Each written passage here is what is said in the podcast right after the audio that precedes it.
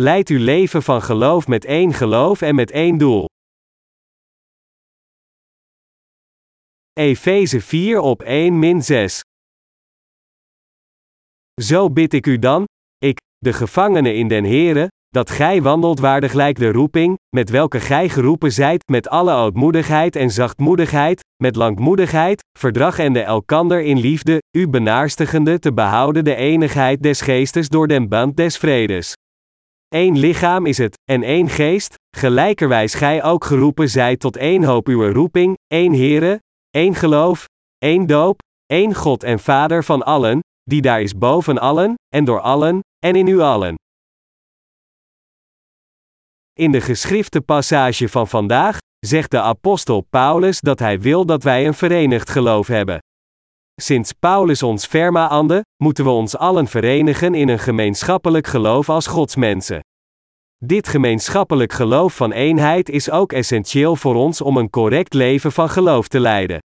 Anders gezegd, we kunnen een leven van geloof dat aangenaam is voor God alleen leiden als we verenigd zijn in ons gemeenschappelijk doel om de Heer in onze levens te dienen en Zijn wil gehoorzamen. Inderdaad, het is juist omdat God wil dat wij allen een dergelijk verenigd geloof hebben dat Hij ons de geschrifte passage van vandaag door de apostel Paulus heeft gegeven. De apostel Paulus zei in Efeze 4 op 1-3, Zo bid ik u dan, ik, de gevangene in den Here, dat gij wandelt waardiglijk de roeping, met welke gij geroepen zijt, met alle ootmoedigheid en zachtmoedigheid, met langmoedigheid, verdrag en de elkander in liefde, u benaarstigende te behouden de enigheid des geestes door den band des vredes. Het bijwoord, daarom, wordt gebruikt om een verklaring te introduceren die voortvloeit uit de voorgaande reden of oorzaak. In het vorige hoofdstuk heeft Paulus uitgelegd dat God de Vader ons gekozen heeft, ons gered heeft en ons tot zijn eigen kinderen heeft gemaakt en ons in Jezus Christus verheerlijkt. En nu in hoofdstuk 4 gebruikt Paulus het bijwoord, daarom, om ons de reden te leren, dat ieder van ons die in het woord van God gelooft een gemeenschappelijk geloof moet hebben dat congruent is aan de roeping van God, in zijn woord moeten geloven en het in gehoorzaamheid moeten volgen precies zoals het is, en samen verenigd moeten zijn om de kerk naar het genoegen van de Heer te bouwen. Zo heeft God ons verteld één koninkrijk van de Heer te bouwen en erin te verblijven totdat we Hem ontmoeten. Ons geloof in het evangelie van het water en de geest is één. Gezien het feit dat God de Vader ons door zijn Zoon Jezus Christus heeft gered, is het dan mogelijk voor ons om een ander geloof, doel of verwachtingen te hebben? Nee, dat is niet het geval. Sinds we dezelfde zaligmaking van dezelfde Heer hebben ontvangen, is het voor ons onmogelijk een ander doel te hebben of ander Heren te dienen. Het enige verschil dat wij van elkaar kunnen hebben, ondanks dat wij dezelfde zaligmaking hebben ontvangen, zijn de geschenken en de talenten die ieder van ons van de Heer heeft ontvangen. Bovendien, omdat ieder van ons verschillende talenten heeft om God op verschillende manieren te dienen, is het nog belangrijker voor ons samen verenigd te zijn en God met één doel te dienen. Als God wil dat u anderen dient, dan moet u oprecht anderen dienen. Als God wil dat u anderen onderwijst, dan moet u ijverig anderen onderwijzen. En als God uw tijd op een andere manier laat invullen of op een andere manier laat werken, dan moet u dat trouw, zoals God u opgedragen heeft, doen. Er zijn verschillende ambten en posities van waaruit we het evangelie in de kerk dienen.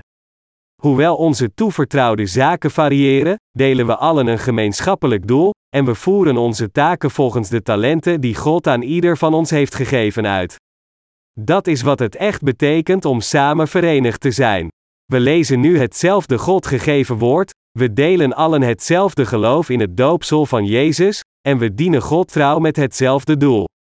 Door uw leven van geloof met hetzelfde doel onder één God uit te leven is, het verenigd leven dat de apostel Paulus ons vertelde te leven. Een dergelijk verenigd geloof is absoluut noodzakelijk voor ieder van ons. De katholieke kerk beweert dat het de enige universele en ware kerk is. Het woord katholiek is afgeleid van het Griekse woord katholiokos, dat met betrekking tot het geheel, of simpel gezegd, universeel. Maar het woord katholiek is niet geschikt voor de katholieke kerk. De ware universele kerk van God wordt door diegenen gevormd die de vergeving van zonde hebben ontvangen en één lichaam zijn geworden met God. Anders gezegd, waar diegenen die in het evangelie van het water en de geest geloven samenkomen met één gemeenschappelijk geloof, één Heer, één doopsel en één doel, dat is Gods kerk. Kunnen we elk een ander doel hebben, ondanks dat ieder van ons dezelfde vergeving van zonde heeft ontvangen? Nee, de Bijbel zegt duidelijk dat dit onmogelijk is. Wat God tegen ons door deze geschrifte passage van vandaag zegt is: Nu dat u gered bent geworden, verspreid het evangelie over heel de wereld. Richt uw doel op het prediken van het ware evangelie over de hele wijde wereld en leef uw geloof in eenheid uit. Het hedendaagse christendom is verdeeld in verschillende geloofgemeenschappen en secten. De Presbyteriaanse kerk heeft zijn eigen unieke kenmerken, net zoals de Baptistische kerk, de Methodistische kerk en de volle Evangelische kerk hebben elk hun eigen unieke kenmerken. Onze kerk kan in tegenstelling niet zo verdeeld worden, ongeacht waar hij zich bevindt. Omdat God de Vader, zijn Zoon Jezus Christus en de Heilige Geest voor ons een en dezelfde God zijn, is ons geloof een eenheid net zoals ons doel een eenheid is. In onze levens van geloof, anders gezegd, delen we allemaal een doel, een geloof, een Heer, een doopsel en een hoop. Ieder van ons die de vergeving van zonde hebben ontvangen vormen het lichaam van Jezus Christus als zijn leden, net zoals de apostel Paulus zei dat er één lichaam is het, en één geest, gelijkerwijs gij ook geroepen zijt tot één hoop uw roeping, Efeze 4 op 4. Enkele delen van uw lichaam zijn uw hoofd, nek, torso, armen, benen en verschillende interne organen, en elk deel zit vast aan de torso om een lichaam te vormen. Uw lichaam kan niet correct functioneren als een deel ervan verwijderd wordt. Zo kan Gods kerk alleen zijn macht uitoefenen als al de leden verenigd zijn in een geloof en een doel terwijl we onze levens van geloof leiden. Dat is waarom de apostel Paulus zoveel nadruk legde op de eenheid van de kerk. Hoe zit het met u? Gelooft u dat er één Heer, één doopsel en één God is? Een dergelijk geloof is absoluut onmisbaar voor ieder van ons die in dit huidige tijdperk leven. Is het God de Vader die goddelijk is, terwijl de Zoon dat niet is? Is het de Heilige Geest in plaats van Jezus die de Zoon van God is? Nee, natuurlijk niet. God de Vader, de Zoon en de Heilige Geest moeten zo niet door elkaar worden gehaald, want zij zijn dezelfde God. Net zoals God de Vader goddelijk is voor ons, zo zijn Jezus Christus en de Heilige Geest ook goddelijk. Deze drie personen van God verschillen alleen in hun respectieve rollen en posities, en ze zijn allen God zelf. Anders gezegd, u kunt niet zeggen dat alleen de Heilige Geest goddelijk is terwijl Jezus dat niet is. Hoe zit het met het doopsel van Jezus? Is er meer dan een doopsel dat Jezus van Johannes de Doper ontving om al onze zonden te accepteren? Nee, er is maar een doopsel. Hoe maakten we onze eerste beleidenis van geloof toen we de vergeving van zonden ontvingen? We beleden allemaal aan de Heer: U hebt al mijn zonden uitgewist met het evangelie van het water en de geest. Zo is iemand die dit ware evangelie met het hoofd begrijpt en er met heel zijn hart in gelooft, iemand die oprecht gedoopt is. Mijn medegelovigen, het is omdat de Heer al onze zonden droeg door te worden gedoopt door Johannes de Doper en hen op zijn eigen lichaam schouderde dat hij zijn bloed aan het kruis vergoot en weer van de dood verrees, daarmee ons allen reddend. Daarom is er maar een doopsel van de Heer, net zoals er maar één God is. Dat is waarom wij gedoopt zijn als een tegen van onze zaligmaking, om aan te geven dat wij gered zijn door te geloven in het evangelie van het water en de geest. Anders gezegd, wij ontvangen het doopsel om ons geloof te beleiden dat de Heer ons gered heeft door al onze zonden te dragen door zijn doopsel, te sterven aan het kruis en weer van de dood te verrijzen. In onze kerk worden de pasgeboren nieuwe heiligen van over heel Korea tijdens ons zomerdiscipelschap trainingskamp gedoopt. Onze pastors leggen hun handen op de hoofden van deze nieuwe heiligen, dompelen hen volledig onder water en halen hen weer omhoog uit het water. Waarom worden deze nieuwe heiligen op deze manier gedoopt? Zij ontvangen dit doopsel van onderdompeling als een teken van hun geloof, om volgens hun geloof aan te geven dat de Heer al de zonde van het hele menselijke ras droeg door te worden gedoopt door Johannes de Doper. Toen Johannes de Doper zijn handen op het hoofd van Jezus in de rivier de Jordaan legde, droeg hij al de zonde van de wereld, net zoals Aaron de hoge priester de jaarlijkse zonde van de Israëlieten aan de zondebok op de grote verzoendag doorgaf, Leviticus 10 voor half vijf middags min 22. Dat Jezus ondergedompeld werd in het water impliceert zijn kruisiging omdat hij nu al de zonde van de wereld droeg toen hij gedoopt werd, en dat de Heer weer omhoog uit het water kwam impliceert zijn verrijzenis. Daarom werden we gedoopt om ons geloof te beleiden dat de Heer onze Verlosser is geworden door naar deze aarde te komen om al onze zonden uit te wissen, gedoopt te worden, te sterven aan het kruis en weer van de dood te verrijzen, dat de Heer onze Verlosser is, en dat Jezus Christus onze God van zaligmaking is. De apostel Paulus zei in Efeze 4 op 5-6 dat er één Heere, één geloof, één doop, één God en Vader van allen, die daar is boven allen, en door allen, en in u allen, is. Er is geen plaats waar God afwezig is. Er is niets dat God niet weet of kan doen, want God is alomtegenwoordig, alwetend en almachtig. God is overal in het universum, van de verste melkweg tot de diepste oceaan, in de hemelen en op aarde, en in de zichtbare en onzichtbare domeinen. Is er een plaats waar God niet aanwezig is?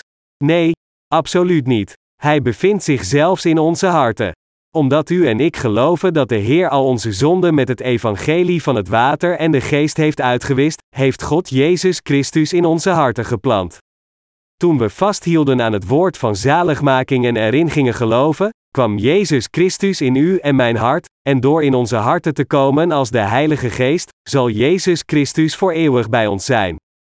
Bovendien, wanneer we verdwalen, zal de Heilige Geest die in ons woont ons berispen met zijn gejammer, ons het correct begrip geven en ons weer naar de juiste weg leiden. De Heer wil dat ieder van ons in eenheid leeft. We moeten ons daarom bij ons perfecte geloof van eenheid houden, dezelfde beleidenis van geloof maken en met hetzelfde geloof wandelen. En net zoals Christus ons geroepen heeft en ons bevolen heeft het evangelie over heel de wereld te prediken, moeten wij leven met geloof waardig aan de roeping van de Heer totdat we Hem persoonlijk ontmoeten. Dit is wat de apostel Paulus tegen de kerk en zijn heiligen zegt in de geschrifte passage van vandaag. Dit betekent dat de vermaning van Paulus ook voor u en mij van toepassing is. Misschien zijn er mensen onder ons die denken dat als zij in het evangelie van het water en de geest geloven, zij een meer materieel welvarend en vleeselijk comfortabel leven zullen leiden. Maar we mogen aan dergelijke gedachten niet bezwijken. De Heer zei tegen ons in Efeze 4 op 1, dat gij wandelt waardig lijkt de roeping, met welke gij geroepen zijt. Door ons te roepen met het evangelie van het water en de geest en al onze zonden uit te wissen, heeft Jezus Christus ons met Gods werk toevertrouwd. Wat is dit werk waar de Heer ons mee heeft toevertrouwd? Dit is niets anders dan de verspreiding van het evangelie van het water en de geest over heel de wereld, want Jezus Christus beval ons zijn evangelie in alle hoeken van de wereld te prediken. Er zijn mensen die niet gehoorzaam zijn aan de wil van Christus zelfs na de ontvangst van de vergeving van zonde.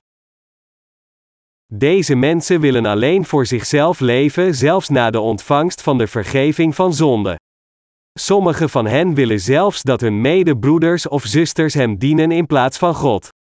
Dit baart mij de meeste zorgen.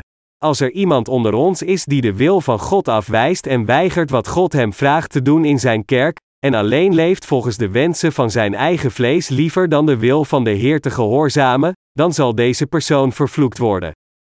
Dergelijke mensen worden als slecht beschouwd, ondanks dat zij zich onder de trouwe heiligen die de vergeving van zonde hebben ontvangen bevinden. Geen enkele verloste heilige moet ooit een dergelijk slecht leven leiden. Dat is waarom God geestelijke leiders in de kerk heeft gezet en zijn werk aan elke dienaar, volgens de orde van de kerk, heeft toevertrouwd.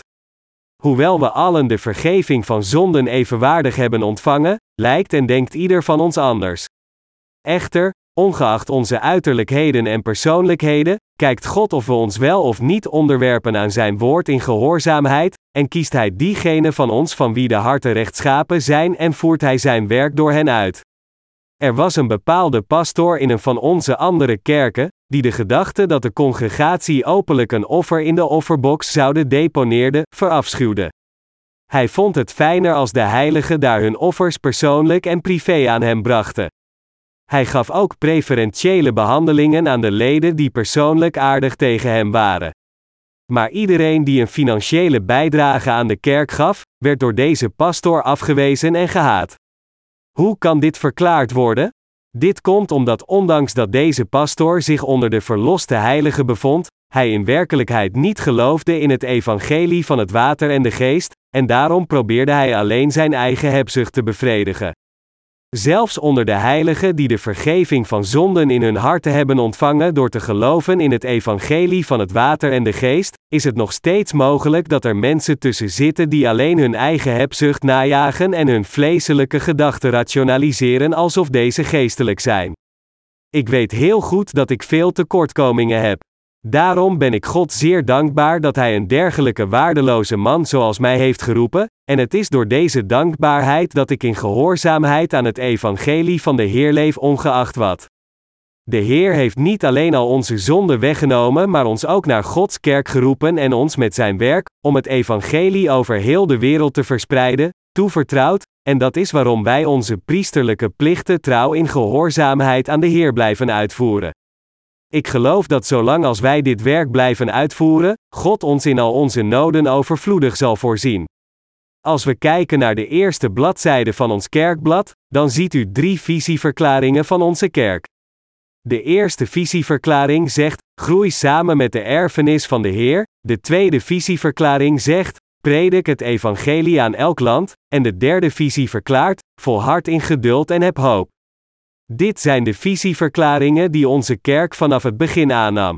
We hebben bedrijven die we voeren om financiële middelen te verkrijgen om het evangelische ambt te ondersteunen.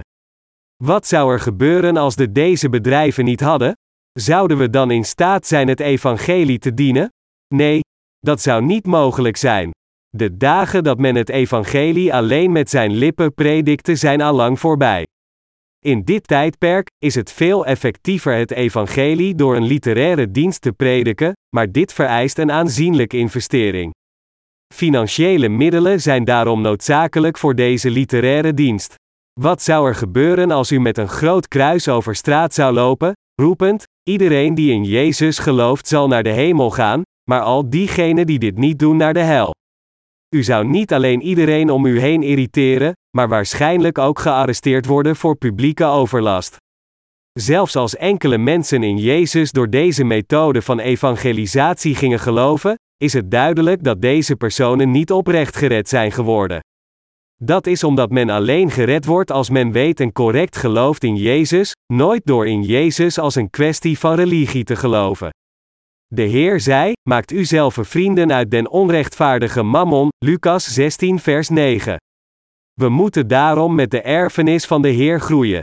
Dit betekent dat in plaats van door onszelf te groeien, ieder van ons de evangelische missie in eenheid moet ondersteunen door onze bedrijven succesvol te voeren en het prachtige evangelie trouw in onze levens te prediken.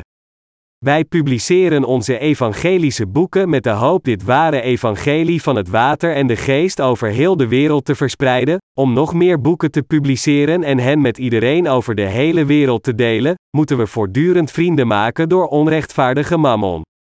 We moeten daarom met de erfenis van de Heer in Gods kerk groeien. Gods kerk behoort tot de Heer. Bijgevolg, de voorspoed van de kerk is onze eigen voorspoed, en elke mislukking van de kerk is onze eigen mislukking. Het succes en de mislukking van de kerk hangt niet van een individu af, maar ze hangt van ons allemaal af. Zolang als de kerk in de goede richting gaat, zullen we zeker samen bloeien.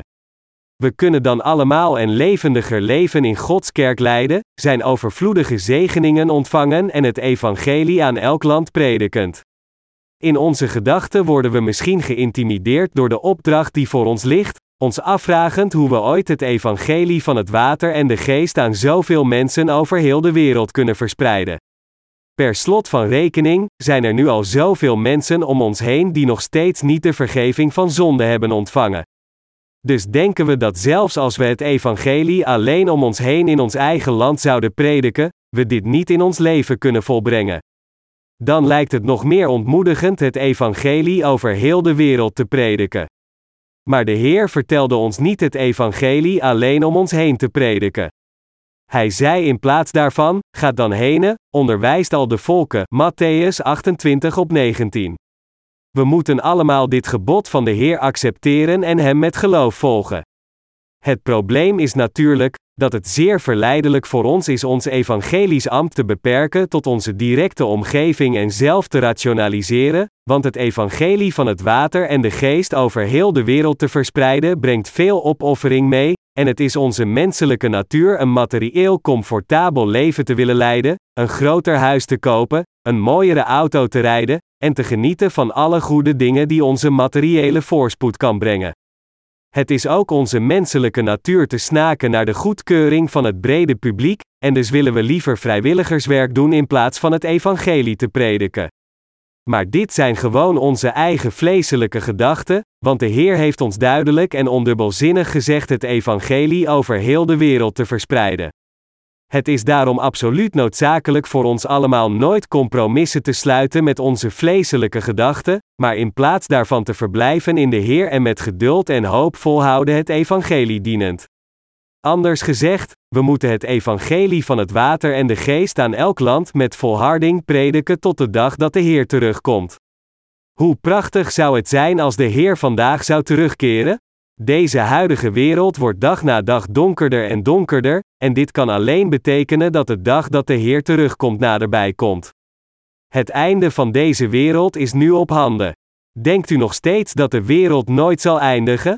Zo een tien jaar geleden heb ik in mijn preken gezegd dat deze wereld slechter en slechter zou worden. U hebt mijn waarschuwing toen misschien afgewimpeld, maar nu kunt u het niet meer zo gemakkelijk afwimpelen. Deze wereld is te onzeker om zijn dreigende vernietiging niet serieus te nemen. Net zoals God zei, deze wereld is nu in vrije val. De tijd is gekomen dat alles precies zo vervuld zal worden als voorspel in de Bijbel. We moeten daarom met geduld volhouden en in hoop volharden. We moeten alle moeilijkheden met langmoedigheid verdragen en met hoop het evangelie dienen. Dus laten we allen vasthouden aan de hoop dat de Heer zal terugkeren om ons mee te nemen, en dat wij een glorierijk leven in het koninkrijk van de hemel zullen leven, net zoals de Heer ons beloofd heeft. Vooruitkijkend naar deze wonderbaarlijke gebeurtenissen die zich snel voor onze ogen zullen ontvouwen, laten we allen leven door geloof. Vanaf het begin tot nu toe heeft onze kerk zijn richting altijd gegrond in deze drie visieverklaringen die hierboven vermeld staan, en deze visieverklaringen zullen de richting van de kerk ook in de toekomst leiden. Wanneer er een nieuw jaar op komst is, word ik vaak gevraagd door enkele medewerkers om een nieuwe richting voor de kerk in te stellen, tegen mij zeggend: Nu dat er een nieuw jaar aankomt, willen we graag de richting voor ons instellen. We zullen dit vermelden in ons kerkblad. Maar het doel waar we allen naar moeten streven tot de dag dat de Heer terugkomt zal nooit veranderen. Sinds ons doel niet van minuut tot minuut verandert, zullen we altijd voortmarcheren in dezelfde richting geschetst in de drie visieverklaringen beschreven in ons kerkblad, groei samen in de erfenis van de Heer. Preek het evangelie aan elk land. Volhard in geduld en heb hoop. God heeft ons beide gegeven, het hart en het geloof om met deze visies te leven. We mogen nooit het God gegeven geloof van eenheid ondergraven. God zelf heeft ons tot een eenheid gemaakt, ons als zijn mensen geaccepteerd, en ons tot een kerk en een lichaam gevormd, en daarom moet nooit iemand van onze oneenigheid aan de eenheid die God ons gegeven heeft brengen. God heeft ons duidelijk in de geschrifte passage van vandaag verteld te sterven naar het behoud van deze eenheid van de geest. Hetzelfde principe geldt voor de bedrijven die wij leiden om de evangelische missie te ondersteunen. In plaats van te buigen voor zelfvoltaanheid en onszelf te rationaliseren met onze eigen vleeselijke gedachten, moeten we voortuitkijken en vooruitgaan naar het rechtvaardige doel door geloof. Anders moeten we deze bedrijven die wij leiden om onze evangelische missie te ondersteunen sluiten. Maar als we onze richting in eenheid besluiten, zullen al de problemen die wij aanschouwen met wijsheid worden opgelost en maakt het niet uit wat ze zijn. We moeten ook trouw zijn in de ogen van God. Als we toevlucht nemen tot halfslachtige oplossingen om de problemen die we tegenkomen op te lossen, dan zullen we uiteindelijk grotere problemen tegenkomen en falen onze belangrijke doelen te bereiken. Daarom moeten we onze harten compleet toewijden en aandacht geven aan het werk van de Heer, ongeacht welk werk het ook is. Het is de gelovige die de Heer zegent en geloof en wijsheid geeft om te gedijen. Het is als we trouw voor het evangelie leven dat God ons helpt al onze obstakels met wijsheid te overwinnen, want Hij wil het evangelie over heel de wereld verspreiden. God heeft ons met de taak toevertrouwd het evangelie over heel de wereld te verspreiden. Dat is waarom we leven voor het enige doel, de verspreiding van het evangelie over de hele wereld. En dat is waarom God ons zo heeft gezegend om voorspoed te hebben in alle dingen, want Hij is blij met onze vastberadenheid om te leven voor Zijn evangelie. Door ons alles te laten voorbereiden, heeft God ons gezegend om te bloeien. Geen woord van God geschreven in de Bijbel werd alleen gesproken aan de mensen in die tijd, maar elk woord werd ook aan ons gesproken. Dus weten we dat het voor ons allen goed is de eenheid van de geest te behouden en correct te wandelen om waardig te zijn aan onze roeping ontvangen van de Heer. We moeten elkaar daarom met nederigheid en begrip behandelen, elkaar met langmoedigheid en in liefde verdragen, en ernaar streven de eenheid van de geest te behouden in de band der vrede tot de dag dat de Heer terugkomt. Al onze kerken in Korea dienen in eenheid het evangelie van het water en de geest, en onze medewerkers over heel de wereld dienen ook het evangelie in eenheid. Het is absoluut noodzakelijk dat wij ons altijd op een manier gedragen die voordeling is voor de verspreiding van het evangelie van het water en de geest. U en ik moeten het doel van onze levens richten op de verspreiding van het evangelie en het besluit nemen het evangelie in onze levens te dienen. Iemand die alleen zijn eigen zelfzuchtige belangen najaagt is een zielig persoon. Maar iemand die om zijn land geeft, om zijn medeburgers en om al de mensen in deze wereld, is een ruimdenkend persoon. U en ik hebben onze roeping omarmd om als dergelijk visionair mensen te leven. Het evangelie over heel de wereld te prediken is wat iedere ware visionair moet zoeken in zijn leven. Daarom moeten we dit werk blijven uitvoeren totdat we onze laatste adem uitblazen. Ik weet zeker dat u dit beter weet als iemand anders. Als we de wil van God en Zijn visie in gehoorzaamheid volgen, zal God blij met ons zijn en ons allemaal zegenen. Tot op de dag van vandaag ben ik talloze problemen in mijn leven tegengekomen, en ik weet uit eigen ervaring dat ik hen met geloof moet overwinnen. Ik ben me er ook van bewust dat ik een dergelijk leven van geloof in de toekomst moet blijven leiden. Op hetzelfde moment heb ik het vertrouwen dat de weg die voor ons ligt niet altijd moeilijk zal zijn, want de Heer helpt ons en zegent ons zodat wij in staat zijn onze levens met één geloof, één hart en met één doel te leiden. Als we het evangelie van het water en de geest volledig over heel de wereld prediken, zal het duizendjarige koninkrijk vervuld worden op deze aarde, net zoals de Heer ons beloofd heeft, en wij zullen in dit koninkrijk voor duizend jaar heersen. Hoop overwint onze angst in onze harten, want wij geloven dat de Heer onze droom uit laat komen. Als de tijd voor de vernietiging van deze wereld en het menselijke ras komt, zal het koninkrijk van de Heer op deze aarde neerdalen, en u en ik zullen dit koninkrijk binnengaan en er voor duizend jaar met de Heer Jezus leven. Sommige mensen zullen denken dat dit veel lijkt op een sprookje, maar dit is niet het geval. Dit is het woord van belofte aan ons gegeven door onze alwetende en almachtige Heer God. Want er is niet één jota nog één titel die vals is in zijn woord. Dat is waarom we onze God keer op keer bedanken, want wij geloven dat alles dat Hij ons beloofd heeft inderdaad op een dag vervuld zal worden.